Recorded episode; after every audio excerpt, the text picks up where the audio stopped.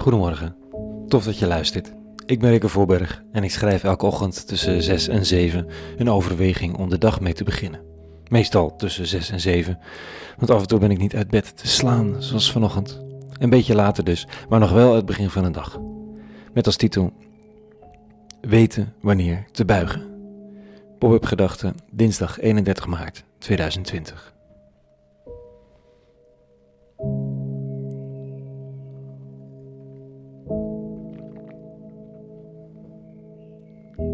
We houden graag ons hoofd omhoog.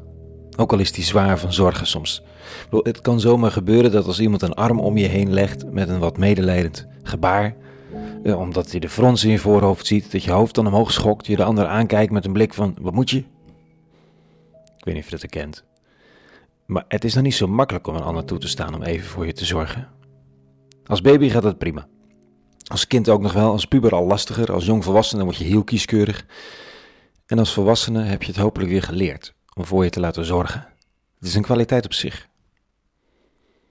Hm. Dat je schouders verstijven als iemand even een hand erop legt. Misschien kun je het niet voorstellen in deze aanrakingsarme dagen, maar dat gebeurt menig één, juist als je het zwaar hebt.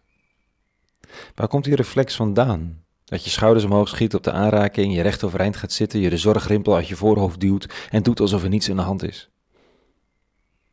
Twee dingen waar ik zo aan moet denken. Allereerst dat het toegeven dat het pittig is, mogelijk een vat opent aan verdriet of vermoeidheid. Een vat waar je liever de deksel op laat zitten. En het tweede in het verlengen daarvan, controleverlies. Je weet niet wat er loskomt. Of je werkelijk de ander toe kunt vertrouwen. Of je werkelijk jezelf de ander toe kunt vertrouwen, al is het maar een beetje. Je weet niet hoe je zelf reageert als je toegeeft dat je moe bent, pijn hebt, gefaald hebt, Vanaf dat moment ben je even niet meer in control. Ik moet eraan denken bij een wat eikenhouten tekst van vanochtend van Jezus van Nazareth. Hij zegt harde dingen tegen de religieuze leiders van zijn tijd over zonde en sterven in je zonde.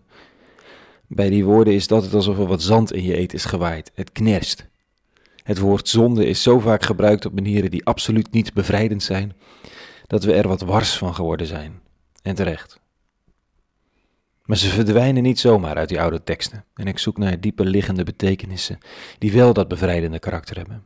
Hm, misschien heeft dat wel alles te maken in dit geval met weten wanneer te buigen. Of wanneer je schouders aan die hand toe te vertrouwen. Dit staat er. In die tijd sprak Jezus tot de Fariseeën: Ik ga heen en u zult mij zoeken, maar in uw zonde zult u sterven. Waar ik heen ga, kunt u niet komen. De Joden zeiden erop: Hij zal toch geen zelfmoord plegen? Dat hij zegt: Waar ik heen ga, kunt u niet komen. Maar hij hernam: U bent van beneden, ik ben van boven. U bent van deze wereld, ik ben niet van deze wereld. Daarom zei ik u dat u in uw zonde zult sterven.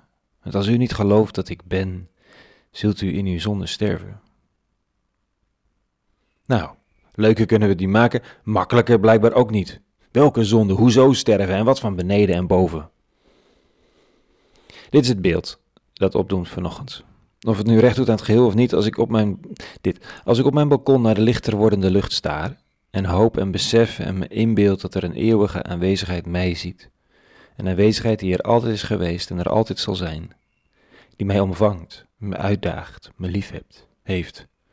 Dan vraagt dat om een overgave. Dat het niet langer mijn eigen gedoe is wat me overeind houdt, maar dat me deze plek gegeven en gegund is met een vraag en een opdracht. Zo ook de religieuze leiders uit Jezus dagen.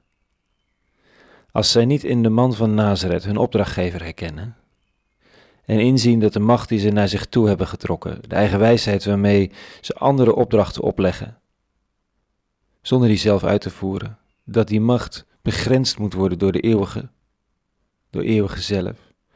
Ze dat niet inzien, dan zullen ze kapot gaan aan hun eigen stijfkoppigheid. Zoals degene dat doet die de ondraaglijke last niet af kan leggen, die de schouders niet wil ontspannen, die niet weet wanneer het werkelijke liefde is waar hij of zij op kan leunen. Werkelijke liefde die uitreikt en waar je om kan huilen. Die het niet ziet omdat je het de hele tijd alleen hebt geprobeerd en dat je daar geen mooie mens van bent geworden naar jezelf en naar anderen. Dat beeld, die richting. Ook voor vandaag, in eenzamer tijden dan anders.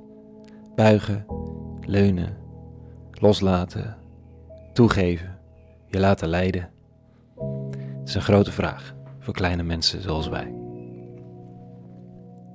Een hele goede dinsdag gewenst. En vrede. En alle goeds.